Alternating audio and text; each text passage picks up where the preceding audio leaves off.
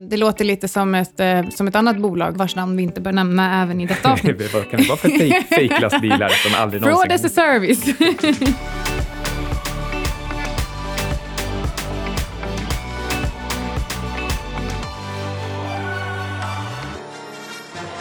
Du, du, vad ska vi prata om idag? Rymden, eller som den också kallas, gymden. Och den är typ oändlig, eller ja, den omsatte 1,5 till 2 miljarder i Sverige eh, 2016, växer ganska långsamt, kanske i takt med hur universum expanderar. Men vilka är vi då? Vi är outsiders och jag är Micke Syding. Och jag heter Anna Svan. Och så finns det en tredje person också, Alexander Marton. Det är han som eh, fixar med ljud och ljudeffekter, säkert lite Star Wars. Han gör det möjligt med eh, andra ord. Men vad har vi gjort i helgen? Jag har till slut slängt eh, cirka 2500 ex av en bok som hade stått här och, och skräpat lite i, eh, i min, eh, mitt lilla arbetsrum. För att få en liten bakgrundsstory då, så var det som så att när jag fyllde 25, eh, Micke var delägare i ett bokförlag innan, och när jag fyllde 25 så hade vi eventuellt druckit eh, champagne lite grann, något glas eller så på morgonen. Eh, och då visade du mig en av de här böckerna som inte hade sålt alls, och eh, det är en bok som heter Phonefucker. Den går inte att beställa då eftersom att vi köpte alla ex. eh, så det är egentligen en handbok i, okej hur skulle du beskriva den här boken? Hur man får folk att hänga kvar i ett telefonsamtal som kostar 10 till 20 kronor i minuten. Ja, precis. Och då tyckte vi att det var en genialisk idé att beställa hela lagret, eh, när det ändå var så festligt och så att jag fyllde 25. Och det var skitkul tills vi faktiskt fick 2500 böcker eh, levererade till ytterdörren. Man kan säga så här, de där böckerna, de var varken mer eller mindre värda för att vi betalade ett visst pris för dem, utan värdet på dem var bara det kassaflöde som vi kunde åstadkomma genom att sälja dem. Så du menar egentligen att en högre aktiekurs inte gör dig rikare? Ja, det är exakt vad jag menar. Vi, eh, jag har försökt prata om det här, inte minst på Twitter senaste veckan. Och har, ibland har jag lite Hur, går svårt... du emot, hur blir du mottagen? Ja, men det är lite svårt att få gehör. Men jag antar att eh, i och med att de flesta är tysta så håller de ändå med.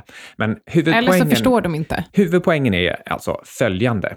Om du har en given intäktsström från något håll, anta till exempel att du har en aktie som delar ut 10 kronor varje år eller som gör vinst 10 kronor varje år. Säg att det här, det är redan bestämt. Du vet vad de framtida kassaflödena är, eller ja, du vet och vet, men du har, en, du har en gissning och du ändrar inte gissningen. Då är poängen följande, att värdet på den här strömmen, den är alltid samma oavsett vad aktiekursen är. Och det här betyder alltså att om du får betala 200 kronor för samma kassaflöde som du tidigare betalade 100 kronor för, så är du fattigare. Ja, eh, inte minst är du fattigare för att du ju antagligen egentligen tänker köpa fler aktier. Du, du är inte klar med ditt sparande och det innebär ju alltså att du kan köpa färre sådana här intäktsströmmar framöver.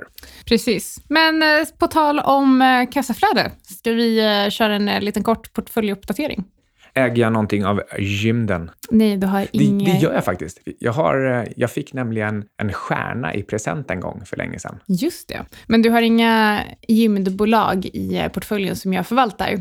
Känns faktiskt ganska bra. Ja, utan det senaste som flyttade in, och det pratade vi om redan sista, sista, eh, förra veckan, det var både Mips och bitcoin. Och bitcoinpriset har ju verkligen börjat komma ikapp lite. Nu såg jag att idag följde lite mer än 2% men den positionen är upp en bra bit i alla fall. Vi kommer prata lite grann också om eh, hur man ska definiera ett rymdbolag. Eh, supportfunktioner, olika typer av tekniker som kanske kan användas i, i rymden. Och då tänker jag bitcoin och blockchain kommer väl definitivt flytta ut i rymden. Det tror jag verkligen. Så och är det någon typ av framtidsmarknad som man vill eh, in i så ska man väl definitivt titta på den typen av marknader. Men, men i, vilken, i vilket format är väl lite svårare att se.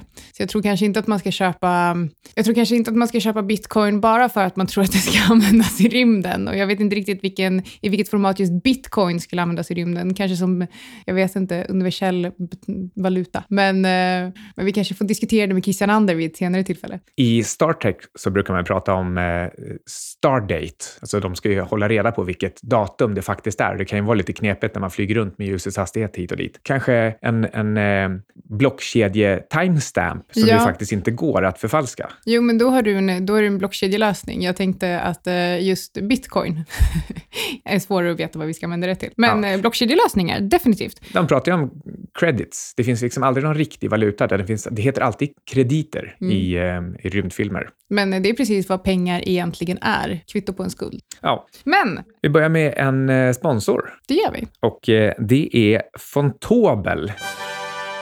De har ju bland annat de här Nordic Industry 4.0-certifikaten som passar ganska bra in i det här rymdtemat. Exakt, och faktiskt ett av bolagen som vi ska prata om i det här avsnittet jobbar en, jobbar en del med just uh, Industri 4.0. Och uh, Fontobel har ju som vi har pratat om tidigare i den här podden uh, Bull certifikat eller Mini Future som gör det möjligt att ta långa eller korta positioner på olika underliggande tillgångar beroende på vilken marknadssyn man har. Mm. Men Fontobel har också så kallade tracker-certifikat och efter eftersom vi i dagens avsnitt diskuterar rymden och som sagt då till viss del Industri 4.0 så vill vi såklart lyfta deras tracker med just Nordic Industry 4.0 som underliggande tillgång. Exakt, så är du intresserad av att få en exponering mot den här typen av marknad utan att för den delen skulle behöva analysera enskilda bolag så kan det här faktiskt vara ett bra alternativ och eh, den här, det här tracker-certifikatet handlas också utan hävstång vill jag lägga till. Jag tror att det kommer framgå med all önskvärd tydlighet under programmets gång. Men ingenting vi säger i den här podden är en rekommendation, utan se till att verkligen göra din egen analys innan du investerar i någonting. Men tack Fontobel. Till temat nu då. Hur investerar man i rymden? Ja, och eh, det är det vi ska komma in på. Det beror lite på vilken typ av exponering man vill ha. Det är liksom kanske inte så lätt som, eh, som det kan vara, alltså, eller som man kan tro. Och eh, som jag sa innan, rymdindustrin omsatte 2016 1,5 till 2 miljarder i Sverige.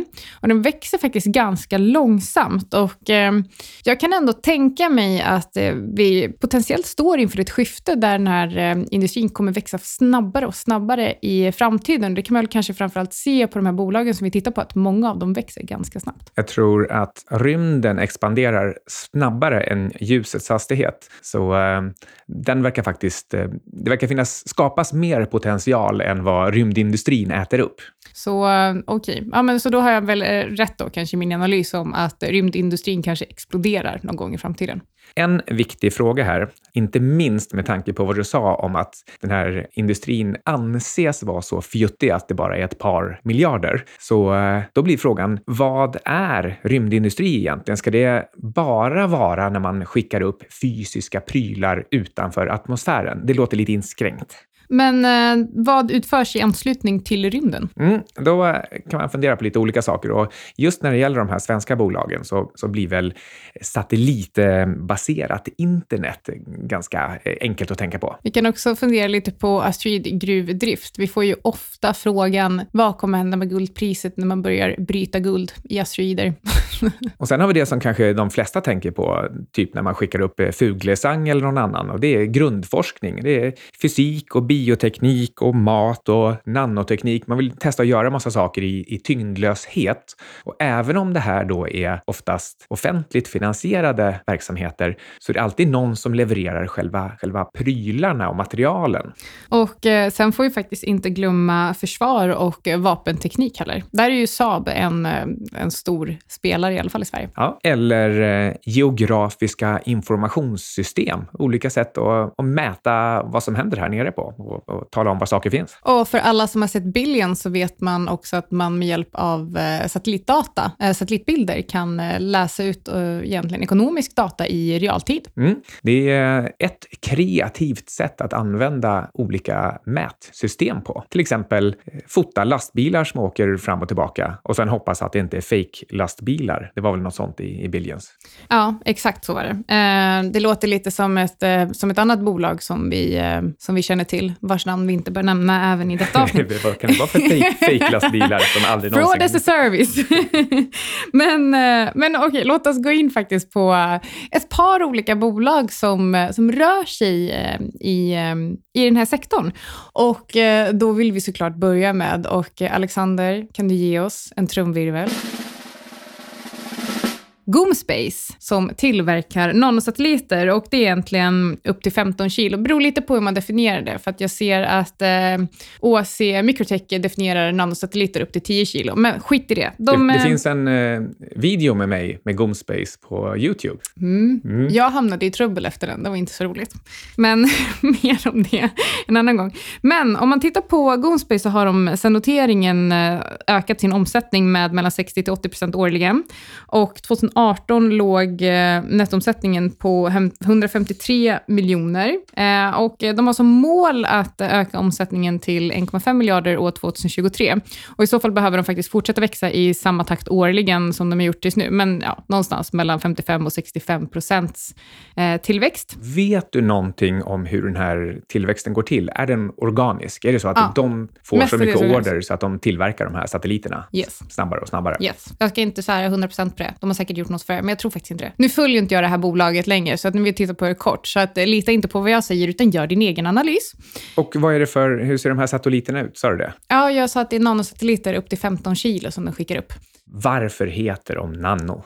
Det finns eh, lite andra typer av satelliter också som jag borde ha skrivit upp, men eh, vi har ju mikrosatelliter som Eh, gud, är det mikrosatelliter som väger någonstans mellan 100 och 500 kilo, så finns det en kategori däremellan också. Eh, vad gör de här nanosatelliterna egentligen? Alltså om de, om de väger 15 kilo, då tänker jag mig att det är lite grann som en, en stor smartphone. Som, eh, den, eh, den kan alltså antagligen samla in lite olika typer av strålning från jorden. Den kan säkert ta foton och jämföra vad som förändras mellan fotona. Så Cygnus skulle potentiellt kunna skicka upp lite nanosatelliter för att titta egentligen på hur skördar ser ut? Mm, definitivt.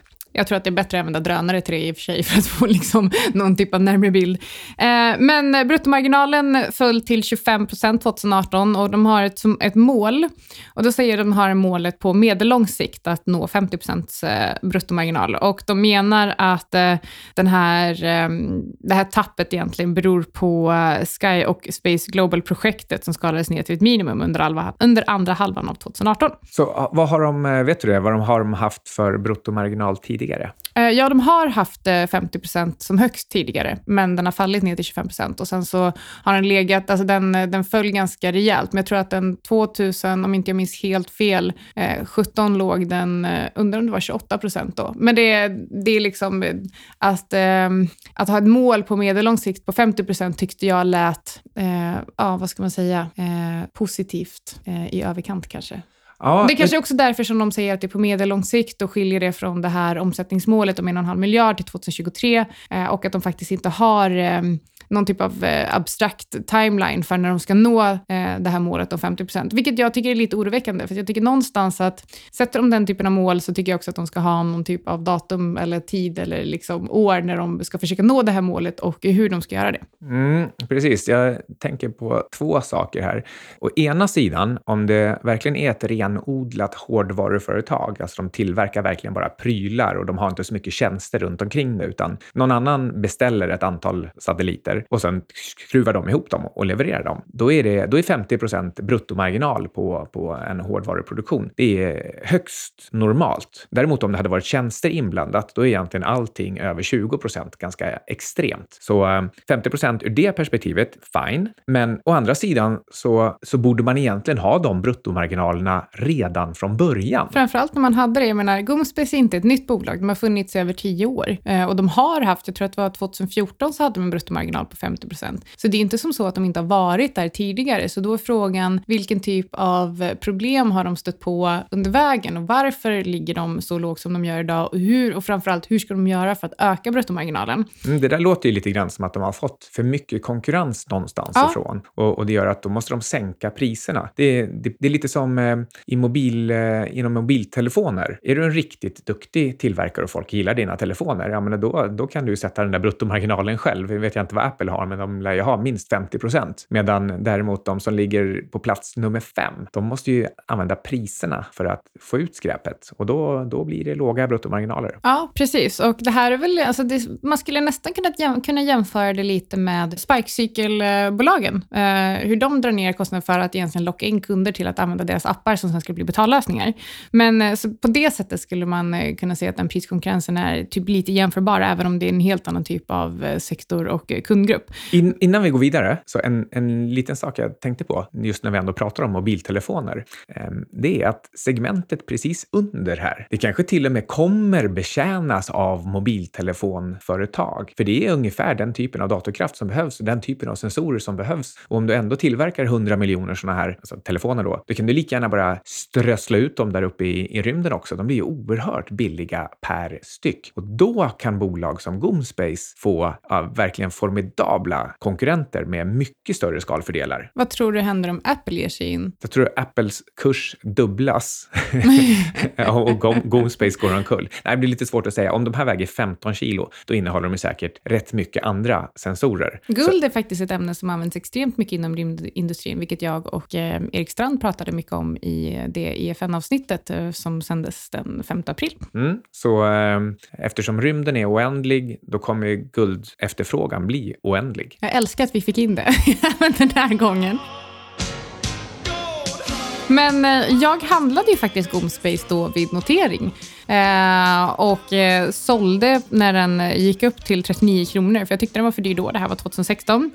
Eh, eventuellt mer attraktiv på de här nivåerna. Jag tror att den handlas, eh, när jag kollade innan vi började spela in, runt 1260. Eh, men det är absolut ingenting jag vill ta in i portföljen för att de eh, förlorar en hel del pengar. De genomförde dock en emission under 2018 som eh, gav dem 125 miljoner till till kassan och eh, vid årsskiftet hade de 249 miljoner i likvida medel och jag tror att de har en runway på typ 18 månader om de fortsätter förlora pengar i samma takt. Men sen får man ju såklart hoppas att de eh, börjar tjäna lite pengar också. Så de handlades på ungefär EV Sales 2,5 Exakt. nu Mm. och det är när de gör förlust. Mm. Men sen hade de ett omsättningsmål om En och en halv miljard. 4-5 år på, eh, som, som då skulle egentligen ge ett EV Sales på ungefär en halv. Mm. Så eh, ja, det är klart, med den tillväxttakten och med det EV Sales-målet, egentligen kan man ju tycka, så behöver de bara nå en, kanske en eh, ebit-marginal på 10 procent då, för att även med en diskonteringsfaktor vara ganska billiga. Men som vi har varit igenom några gånger tidigare, det här att faktiskt tro på 50-60 procents tillväxt varje år i 4-5 år, ja, det, det, ställer väldigt höga krav på att de inte tappar sin position. Och eh, på tal om att tappa sin position så skulle vi kunna gå,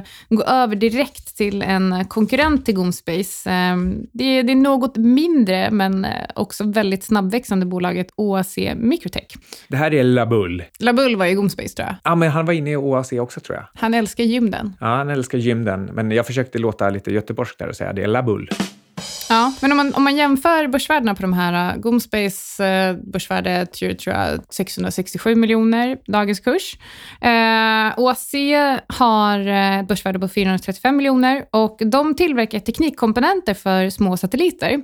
Så då skulle, de skulle potentiellt kunna vara en underleverantör till Gomspace, men eh, så köpte de Clyde Space som eh, Eh, stod för mer än 50 procent av omsättningen 2018. Så att de ökade sin omsättning från 14 miljoner 2017 till 78 miljoner 2018. Men om man räknar bort det här förvärvet då, så var den organiska tillväxten eh, strax över 100 procent ändå. Men eh, de eh, tillverkar också satelliter. Då är det allt från nanosatelliter till de här mikrosatelliterna. Eh, och eh, det skulle, i och med att, eh, jag vet, som sagt, jag borde kolla lite mer på hur Gomspace eh, pratar kring förvärv.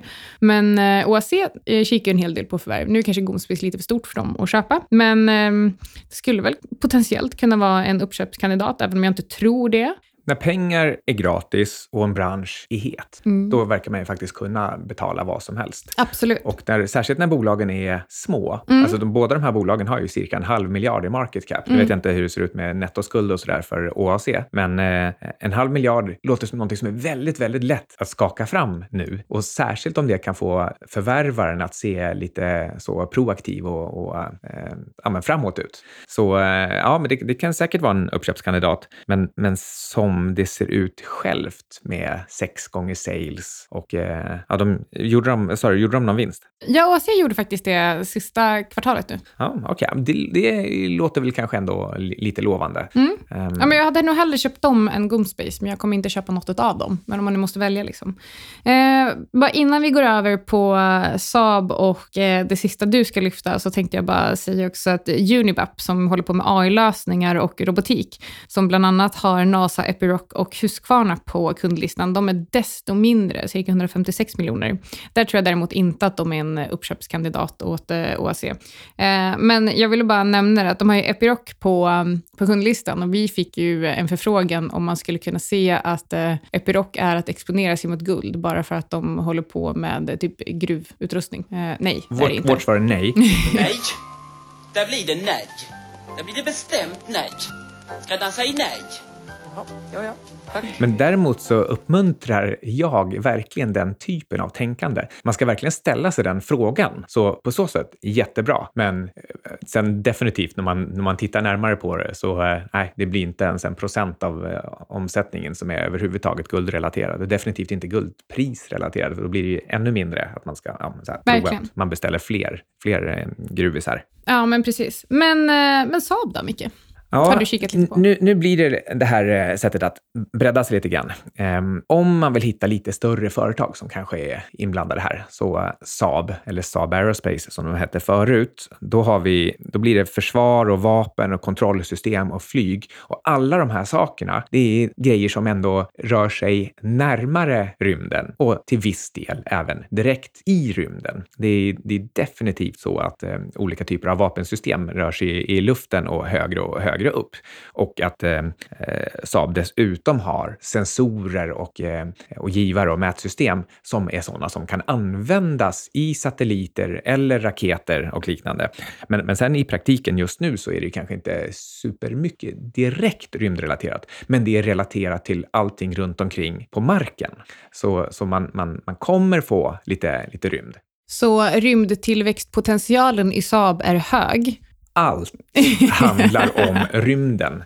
Men de är, så, de är så, lite så, större än de här andra bolagen också som vi har pratat om. Ja, det är 43 miljarder market cap har Saab, så det är alltså mer än tio gånger så mycket som Fingerprint. Det är helt sjukt att Finger fortfarande har ett market cap på vadå, 4,3 miljarder? Nej, 3,9. Okej, okay, det är ja. helt sjukt. Ja, Men det är okay. faktiskt helt sjukt. Men vem vet, det kanske ska vara fingeravtryck i eh, satelliterna. Något. Vems fingeravtryck då?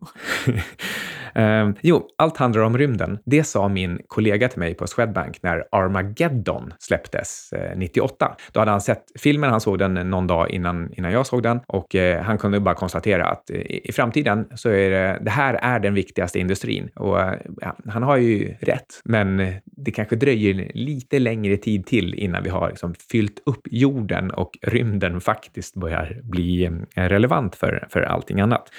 Men tittar vi på Saab, som ju då vi är överens om, den, den kanske inte är helt och hållet rymdrelaterad, men aktien är ganska spacig. Den, den är ganska volatil. Ja, den, den föll till exempel eh, mellan 2007 och 2009 så gick den ner först 50 procent och sen därifrån ytterligare mer än 50 procent. Så mer än 100 procent föll den mellan 2007 Du är en sån fåntratt, vet du det? Mm. Eh, och sen gick den upp tio gånger därifrån mellan 2009 eh, och 2018. Så nu 20 procent från toppen? Och sen ner 20 procent från toppen därifrån, ja. Eh, så eh, ja, vad är det här då? Är den, är den fallen ängel? Är den, är den dyr? Är den billig? Um, ja, you alltså, tell me. Alltså grejen är att de växer ganska långsamt. Senaste året 3 procent. Eh, vinstmarginalen faller. Det var till och med så att vinsten föll senaste året. Men de, de, de, hoppar lite upp och ner så, och, och tillväxten verkar liksom bli 10 procent om året ungefär. Och eh, värderingen är inte superhög, men eh, 1,2 gånger EV sales och marginalerna kan röra sig kring 10 procent. Så den är väl rätt okej okay värderad. Men är det något du skulle vilja ha i portföljen?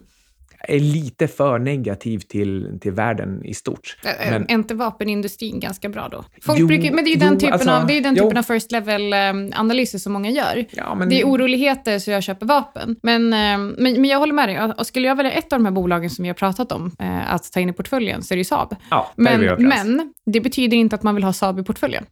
Nej, och eh, eh, även om värderingen är okej okay jämfört med, kan vi säga, börsen eller ekonomin eller någonting sånt, och de, de kanske kommer växa in sig i den. Det, det här tiofaldigandet som vi ändå såg de senaste tio åren, det, det säger ändå någonting om att folk gillar den här typen av bolag. Dessutom så kan Saab, om vi bortser från hela den här grejen med Gripen, så kan det här definitivt vara ett uppköpsobjekt för de riktigt stora internationella spelarna.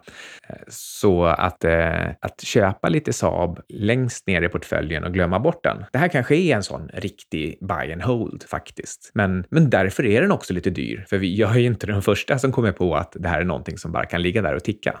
Nej, absolut inte.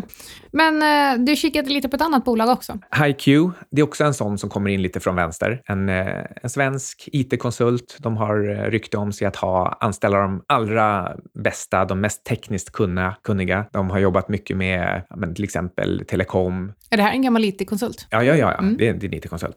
Och eh, nu tittar de på 5G. De har varit inblandade mycket i, eh, i fordonsindustrin, kan definitivt bli eh, inblandade i, i självkörande bilar. Så, så det, det är verkligen liksom hög nivå på de här. Men återigen då, de, kursen halverades i princip senaste 12 månaderna. Innan Ska man köpa dippen? Innan den studsade upp igen. Eh, studsade lite grann. Ja, på dippen så handlar de ändå på 15 gånger ev-ebit. Ja, okej. Okay. Ja, men då kanske man inte ska köpa den så kallade dippen då? Nej, så att de är... De är med, med men tanke på att marginalerna de faller lite grann år, år från år. Så jag misstänker att den här eh, särställningen som de hade ett tag där, kanske kring år 2000 eh, och, och ett tag till, den Eh, de har tappat den, liksom, de här riktiga konkurrensfördelarna. Och då är de inte så superspännande längre. Men eh, visst, de kan, de kan säkert växa lite, lite snabbare än, eh, än ekonomin i stort. Men å andra sidan så tror jag också att de faller snabbare när, när det går ner. Till exempel, de här var superheta kring eh, år 2000 och, och, strax efter. Men sen föll de från, nu ska vi se om jag får det här rätt, eh, från en kurs på 105 till 2. Vad står de i idag? 55 ungefär. Så det om man köpte den på två så har det ändå varit helt okej. Okay. Ja, det är ju trevligt. Men om du köpte den på 105, då är du ganska ledsen. Då är du fortfarande ner 20 år senare. Klassisk surdeg. Men då är det här också ett jättebra exempel på att aktier inte stiger på sikt. Ja, precis. Faktum är att jag brukade säga, eller jag sa det ofta under hela min karriär, att på lång sikt så går aktier alltid ner. Ja, och det är faktiskt sant, fast eh, de flesta bolag överlever inte 100 år. Nej. Så om du skulle köpa alla OMXS30-bolag idag och bara köpa dem rakt av, så kommer du om 100 år inte ha ett fint resultat i portföljen.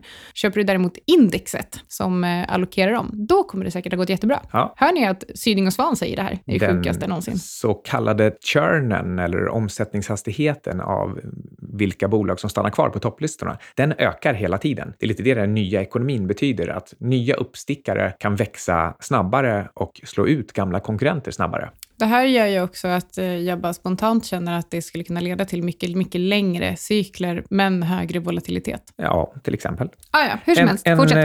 En, en sista grej om HiQ. De kommer med en rapport imorgon. Och det är alltså det imorgon torsdag. Ja, eh, det. Så det är dagen innan vi släpper det här. Ja, så igår för dig som lyssnar då kanske. Um, och det finns väl liksom lite i farans riktning att den kanske kan bli svag med tanke på hur eh, 2018 eh, såg ut. Ja, och eh, även vad vi har sett lite för negativa signaler i, i världen i stort. Men, eh, och, och eh, såna här eh, omsättningsdrivare som potentiellt sett 5G skulle kunna vara, de har inte riktigt kommit igång än, tror jag. Svårt att säga, för de här ska ju ligga tidigt i, i det skedet och utveckla saker innan saker lanseras. Så, ja, det är svårt att säga, men den är ju inte jättebillig. Men hur, hur ska vi egentligen sammanfatta vårt lilla rymdavsnitt? Mm. Till att börja med, som alltid, köp inte citat rymdbolag, slutcitat, bara för att bolaget kallar sig för ett rymdbolag, utan eh, du måste fundera igenom vad de har för konkurrensfördelar, om det är tjänster eller hårdvara. Fundera över vad är det för, vad är det för kunder de egentligen har. Är Men, kunderna betalningsvilliga eller inte? Vänta lite nu, säger du att man ska göra en egen analys? Ja. Eh, tänk också på, tänk bredare än eh, bolag som profilerar sig mot rymd. Hexagon till exempel som håller på med mätteknik, eller Ericsson med 5G, eller Tobii Eye som håller på med ögonrörelser. Eh, eller titta på von Tobels Industri 4.0-certifikat. Ja, Försök att diversifiera dig. Du, bara för att du väljer ut ett rymdbolag och därmed tror att du är exponerat dig mot rymden, så betyder ju inte det att du får följa med liksom, rymdindustriutvecklingen framöver. Nej, och som vi sa också innan, att just det här att bara skicka upp saker rent fysiskt fysiskt lite högre än om du skickar upp ett flygplan eller, eller högre än, än en bil. Det betyder inte att tekniken i sig eller lönsamhetspotentialen eller risken ger dig bättre möjligheter. Den kan ju faktiskt till och med vara, vara tvärtom. Det här fick mig att tänka på Mad Mike i Flat Earth Society som försökte skicka upp sig själv med en raket. Alltså det är så fantastiskt dåligt. Han har möjlighet att ta ett vanligt flygplan och komma upp 10 kilometer upp för att eh, se om jorden kröker sig Jo, eller men inte. rutorna är krökta för, på flygplan för att man ska tro att det finns för att, att jorden är rund. Ah, Det är en det är konspiration. så listigt, så därför skickar han upp sig själv i typ en toapappersraket. ja, 518 meter upp och bryter ryggen när han faller ner. men nu ska han försöka igen. Ja. Eh, ah, ja, hur Nej, men så, så en, eh, ett tips här, eh, det är att eh, ta lite rygg på eh, kända tech-investerare. Alltså det kan vara såna här som Sequoia Capital eller ja, vad du vill. Eh, stora VC-investerare. Lyssna på eh, Invest Like the Best och Josh Wolf och såna här. Och, och det var hör- fantastiskt det avsnittet. det är ett nytt avsnitt ute nu, idag, med honom. Ja, det, var, det släpptes igår. Ja, igår kanske. Ja. Så eh, lyssna på vad de tittar på i onoterade bolag och sen fundera över om, om de nischerna redan finns någonstans bland de noterade. Och eh, tänk på att tillväxt och lönsamhet och kassaflödespotential är fortfarande det som faktiskt räknas för dig som investerare, inte titeln eh, rymdinvesterare. Precis. Egentligen så ska man ju vara kassaflödesinvesterare. Alltid utdelningsinvesterare. Always be kassaflödesinvesterare. Ja, oftast gör man sig själv bara en otjänst om man försöker haka på någon typ av eh, trend eller hype. Eller, ja, bara, och dessutom, det är just det här att bolagen är ju alltid mycket snabbare än du på att hitta på och pro profilera om sig och säga nu gör vi det här. Och, och så blir det nybörjare kastar sig efter första bästa bolag som det står gymden på. Exakt. Men eh, det var allt för den här veckan. Tack von Tobel och glöm inte signa upp er på vårt veckobrev Insiders. Det gör ni på www.sydingsvan.com. Insider... Hey baby, ride with me away. We doesn't have much time. My blue jeans is tight, so onto my love rocket climb. Inside tank of fuel is not fuel, but love. Above us, there is nothing above but the stars above. All systems gone. Prepare for down count. Five, four, three,